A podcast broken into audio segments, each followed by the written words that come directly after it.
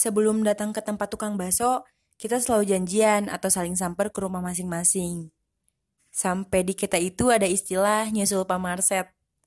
Maksudnya nyusul pamarset di sini adalah ketika kita nyamper orang yang kita samper, terus dia bilang nyusul, tapi nggak datang-datang.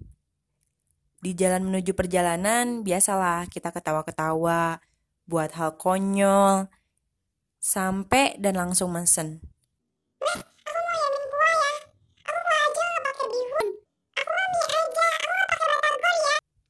Kita langsung duduk, karena nggak terlalu banyak yang beli, bakso kita pun datang. Pas lagi asik makan, mereka ngeliat ke arah aku sambil senyum tipis.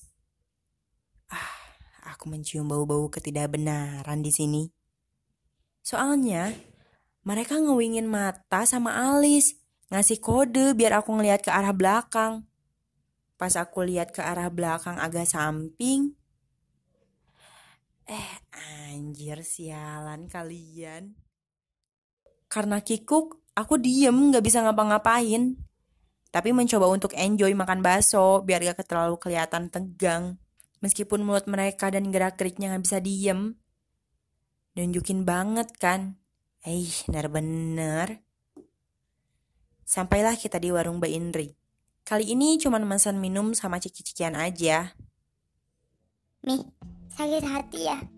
Kencana, kencana. Ah, tiba-tiba si Tia nyeletuk bahas perkara tadi. Ngebuat semua jadi pada riwe.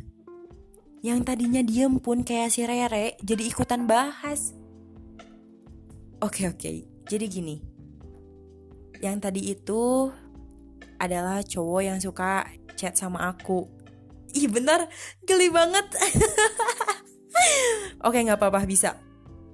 Sempet chat-chat lama dan ya aku pasti ceritalah ke mereka jelas.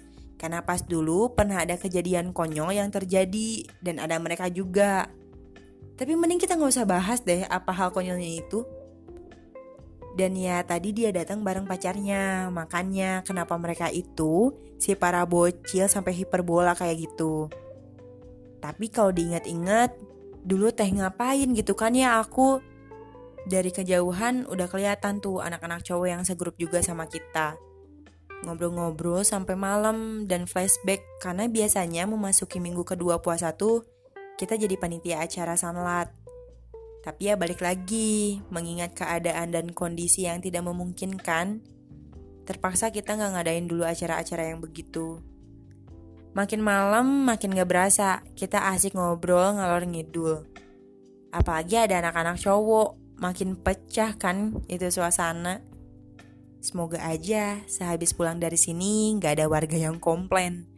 Karena tiap kali kita kumpul, besoknya pasti aja ada yang komplain warga gara-gara ngedengar teriakan dan omongan kita yang ah udahlah nggak bisa ditahan kan juga pasti gitu kan kalau udah kumpul apalagi udah lama gak ketemu sampai akhirnya kita benar-benar gak tahu waktu. Pas lihat ke HP hidih jam 2 subuh. Dan kekonyolan pun dimulai